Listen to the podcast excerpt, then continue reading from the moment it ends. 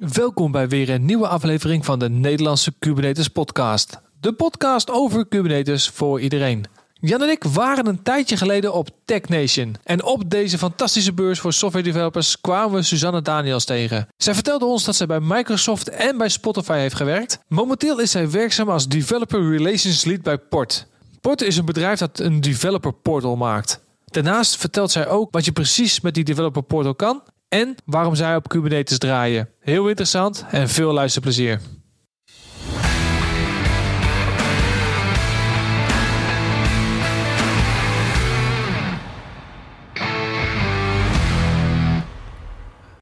Uh, we zitten hier met uh, Suzanne Daniels. Welkom. Zou jij aan de luisteraars willen voorstellen?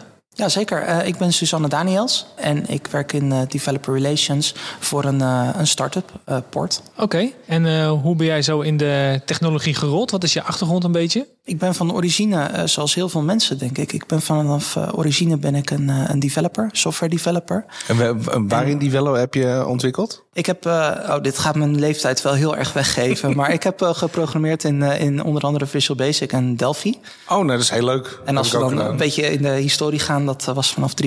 Ik heb daadwerkelijk eh, Clipper-applicaties ge naar Visual Basic. dus misschien...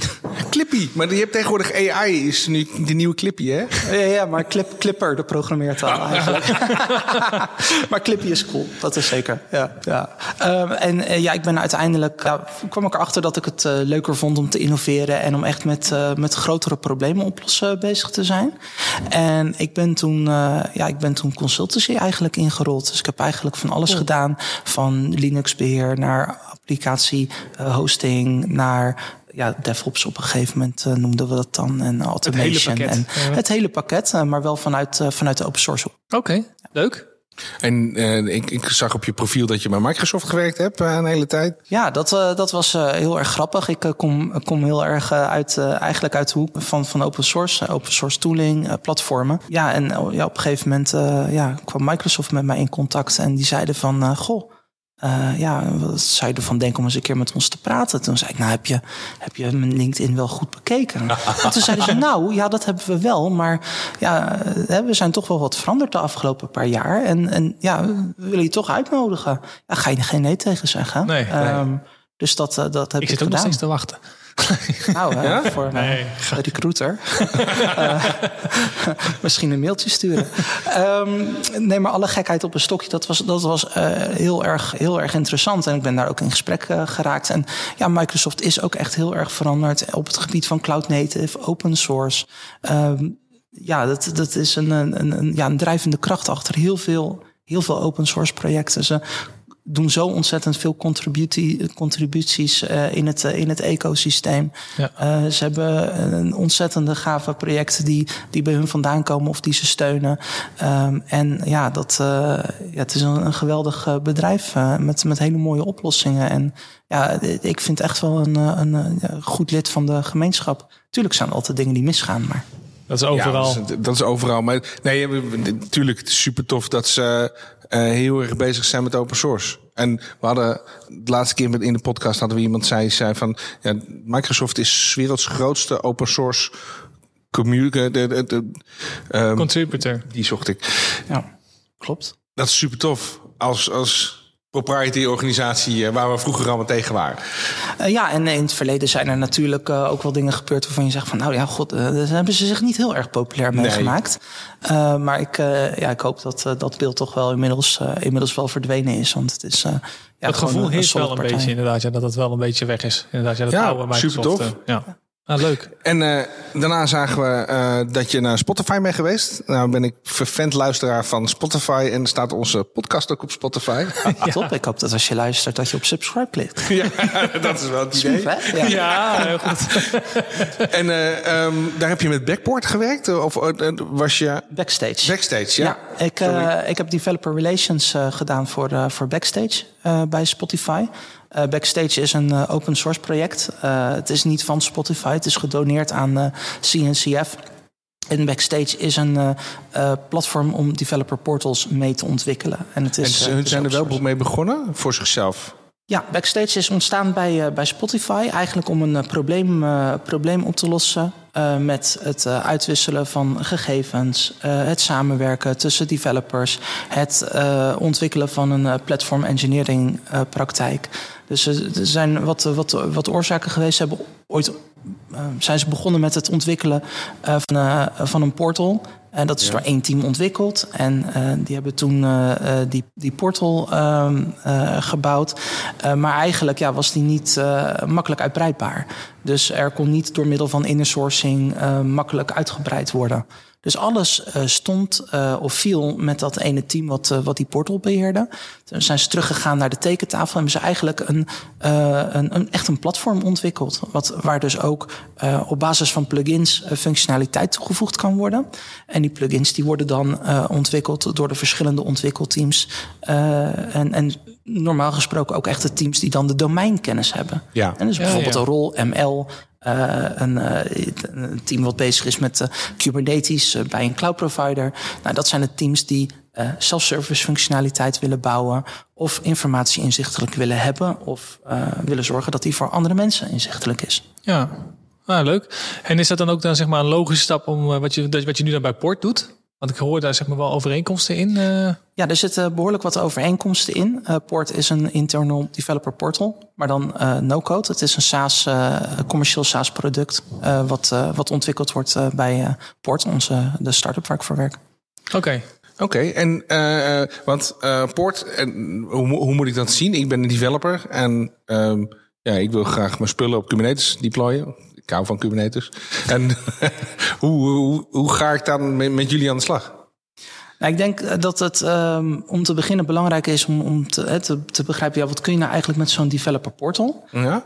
Um, een internal developer portal is ervoor bedoeld om uh, te zorgen dat uh, iedereen binnen je engineering organisatie eigenlijk kunt zien uh, welke softwarecomponenten of welke componenten beheren wij nu uh, eigenlijk? Uh, wie is daarvoor verantwoordelijk? Waar is de documentatie? Als ik dat uh, moet vertalen, stel ik heb een ja, um, applicatie, uh, noem maar wat, een sokkenwinkel. de sokshop. Ja? De, sokkenwinkel. dat is een praktisch voorbeeld van hem altijd. Ja. ja. Hij heeft iets met sokken. Nee, nee dat, is, dat is een heel, heel vaak gebruikt voorbeeld. Uh, stel, ik heb een sokshop en, uh, en die heb ik in PHP gebouwd. En uh, ik heb een hele berg integraties erin maak ik dat dan zichtbaar? Hoe moet ik dat dan zien in, in Poort? Ja, de componenten die eigenlijk jouw dienst uh, maken, die zou je in een software catalog opnemen. Omdat je hebt heel vaak componenten waarin je werkt met verschillende teams. Of het zijn verschillende technologieën. Dat zijn dan microservices? Is dat... dat kunnen microservices zijn, ja. Maar dat hoeft niet per se. Dat hoeft niet per se. Maar het zou wel in een, in een mooie wereld zou het zijn... Ik heb uh, uh, microservice uh, voorkant webpagina. Daar werkt, werkt team A aan. En de achterkant de, de API service werkt team B aan. En dat maken we dan overzichtelijk. Ja. En ja. ga ik dan ook zien hoe ik de API calls kan doen in de, mijn portal? Ja, en daar gaat het, uh, daar gaat het inderdaad om. Hè. Team A en team B in dit voorbeeld moeten samen kunnen werken. Um, dus uh, het ene team heeft de API van het andere team nodig. Ja. En het andere team moet weer begrijpen hoe die applicatie in elkaar steekt. Ja. Uh, of weten wie er on-call draait. Dus voor iedere service, en in dit geval dan een microservice. En daar kun je, als je op die microservice klikt in de catalogus, kun je dus bijvoorbeeld de documentatie vinden. je kunt de API-documentatie vinden. Uh, architectuurdiagrammen, uh, tooling die wordt gebruikt. En in een developer portal probeer je niet de tooling te vervangen, maar zorg je eigenlijk dat alle informatie die relevant is voor dat team wat eraan ontwikkelt, of wat het gebruikt, dat al die informatie op die ene plek aanwezig is. Oké. Okay. Dus het is niet om de tooling te vervangen, het is echt daadwerkelijk om te zorgen dat die, die tooling in de, in de handen uh, van de mensen komen die het nodig hebben. Ja, en stel, ik, uh, ik werk als developer, ik werk aan sprints. En uh, dan heb ik mijn Kanban over mijn, mijn, uh, mijn uh, Kanbanboard. Wij gebruiken altijd Kanbanboards, maar die um, Scrum? Scrumboards. Um, en daar heb ik mijn topics op.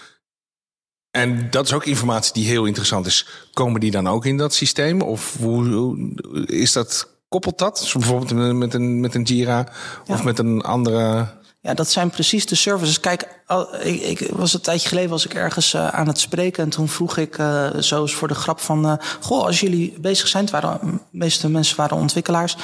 ik zeg, goh, hoeveel tabs hebben jullie nu open in jullie browser op het moment dat jullie met iets in de software development lifecycle bezig zijn? Nou, simpele vraag. En bij 40 tabs bleven nog de meeste handen omhoog. Um, Dus dat geeft aan, hè, al die tools die je, die, die je noemt, hè, bijvoorbeeld Jira. Um, ja, dat, dat, daar wil je mee integreren om te zorgen dat de, de, de uh, cognitieve overload eigenlijk, ja. dat die uh, zoveel mogelijk wordt teruggedrongen.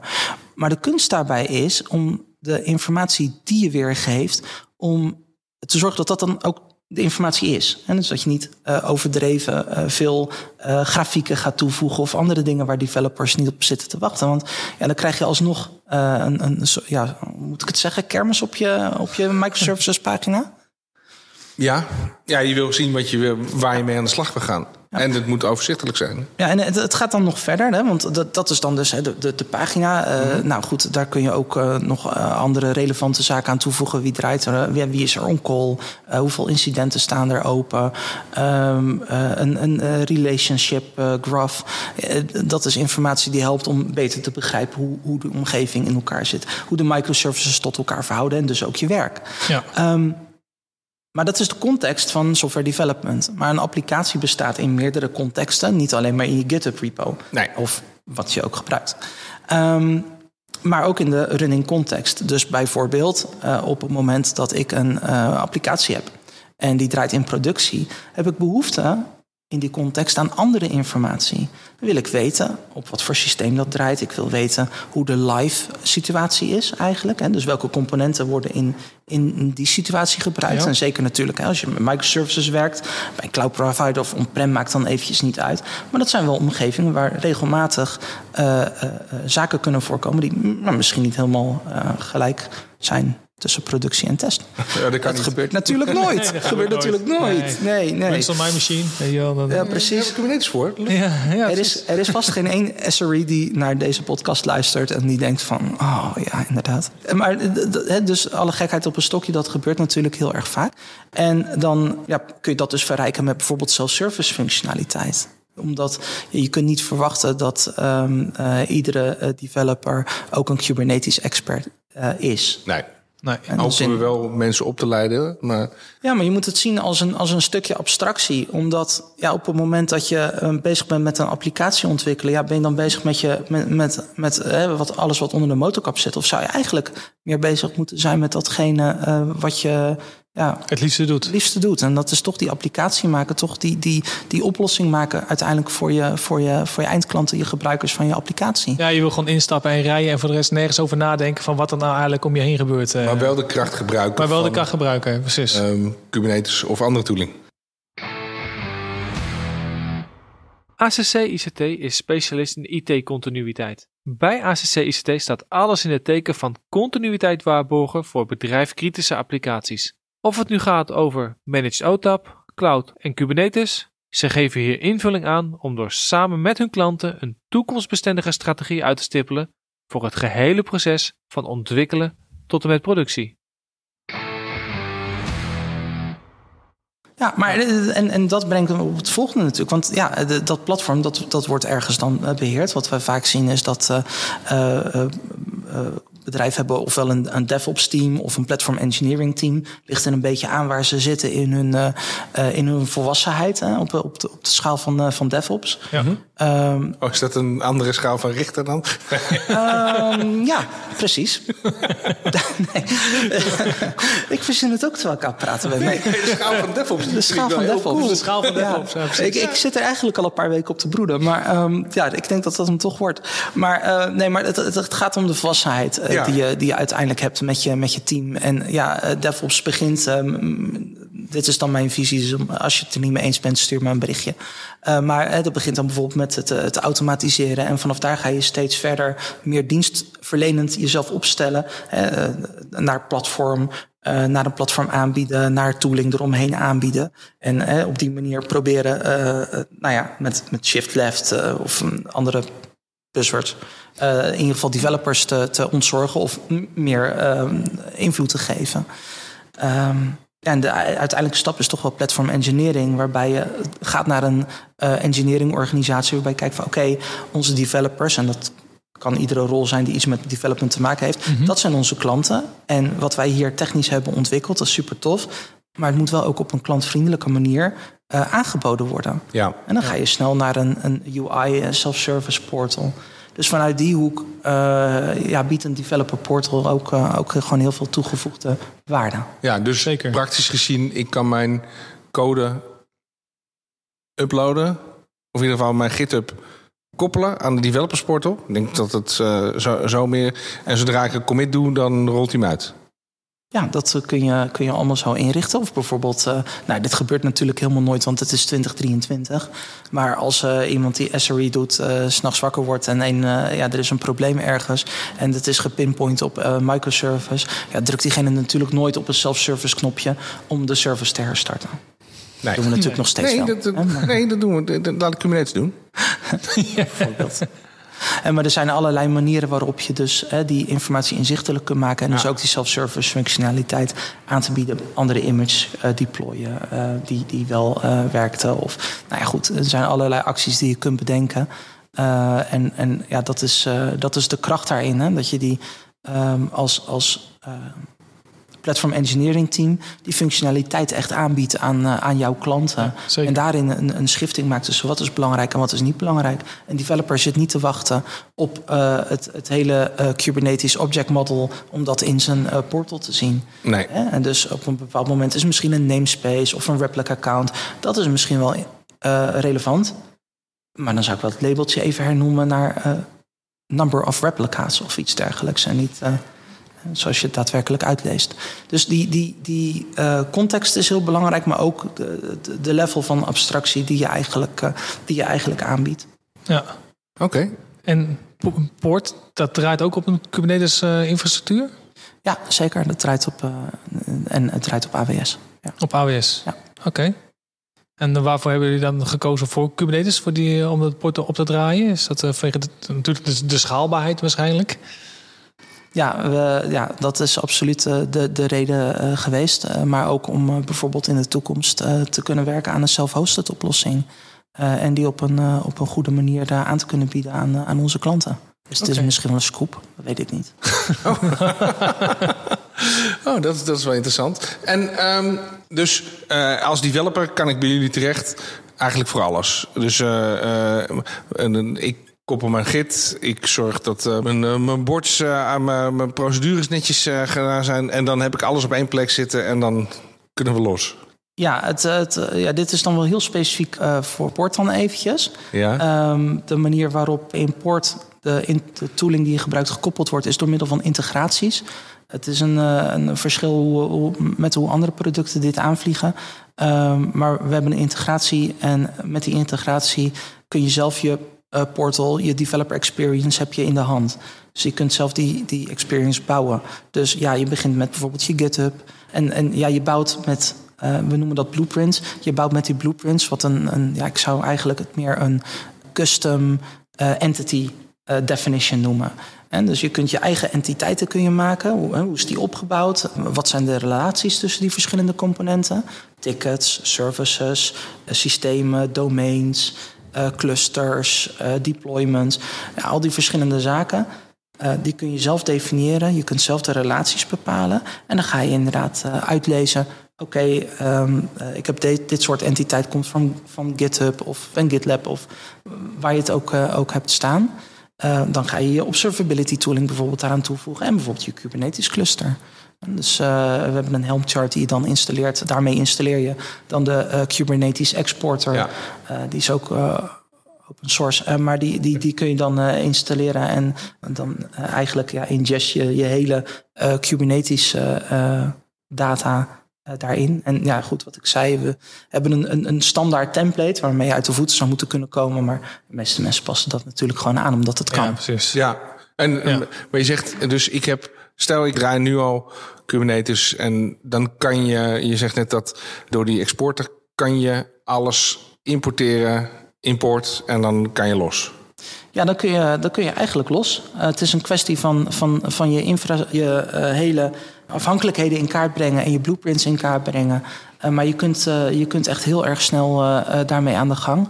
we hebben ook wat video's op onze, onze YouTube staan. En er is ook een video van Victor Varcic van de DevOps Toolkit. die ook met, met Port heeft gespeeld. Het is erg leuk om, om te oh, zien trouwens. Echt ah, een aanrader. Ja. ja. leuk. Leuk. En ehm, je zei net uh, iets open source. Zijn jullie open source? Of waar, waar, eh, waar ligt de lijn ongeveer? Nee, we zijn, uh, de, de oplossing is closed source, echt een commerciële oplossing. wel met een free tier, dus je kunt gratis gebruik maken gewoon van het product. Met bijna alle functionaliteiten die, je, die je eigenlijk wel nodig zou hebben. dus je kunt daar gewoon mee, mee, mee, aan de slag. Als je wil kiezen voor een open source developer portal, is eigenlijk de onbetwiste de, de onbetwiste go-to-tool is, uh, is Backstage. Backstage, ja. ja. En het, het heeft allebei zijn voor- en zijn nadelen.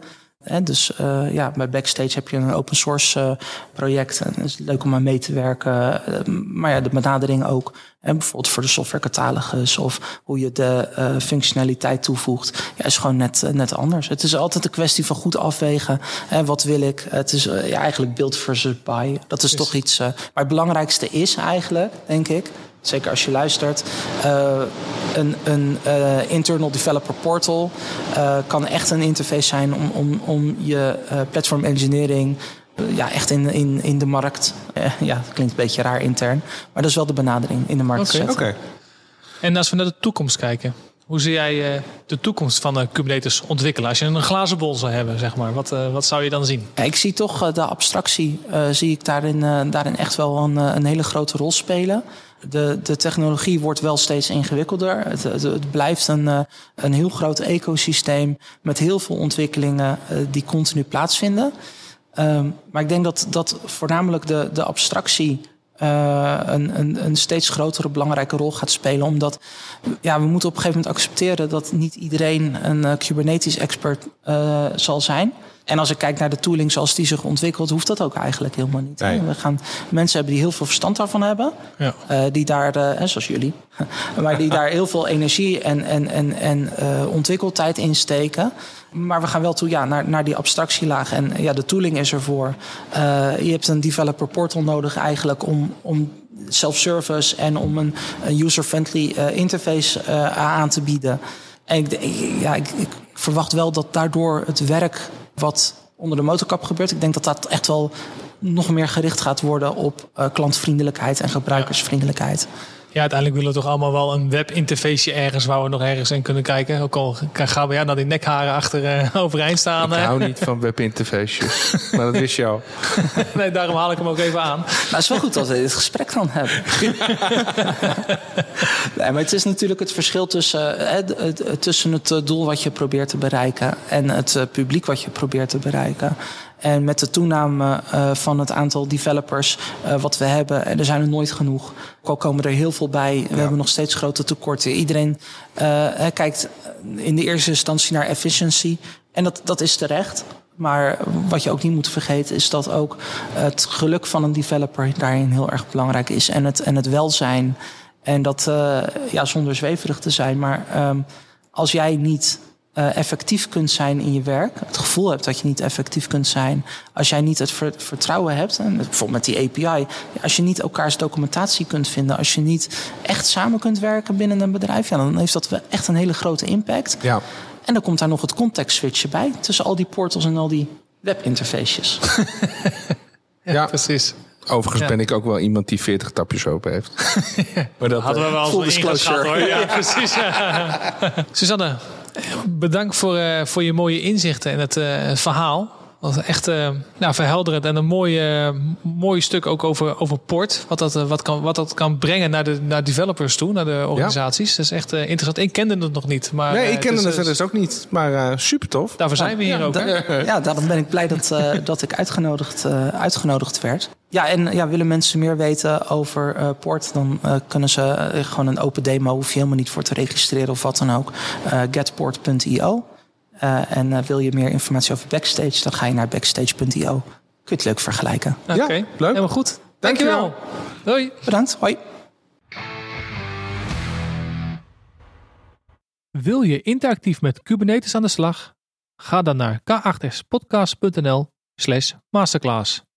Deze podcast is een initiatief van ACC ICT en wij zijn te beluisteren op onze website k8spodcast.nl via Spotify, Apple, Google Podcast en alle andere favoriete podcastproviders.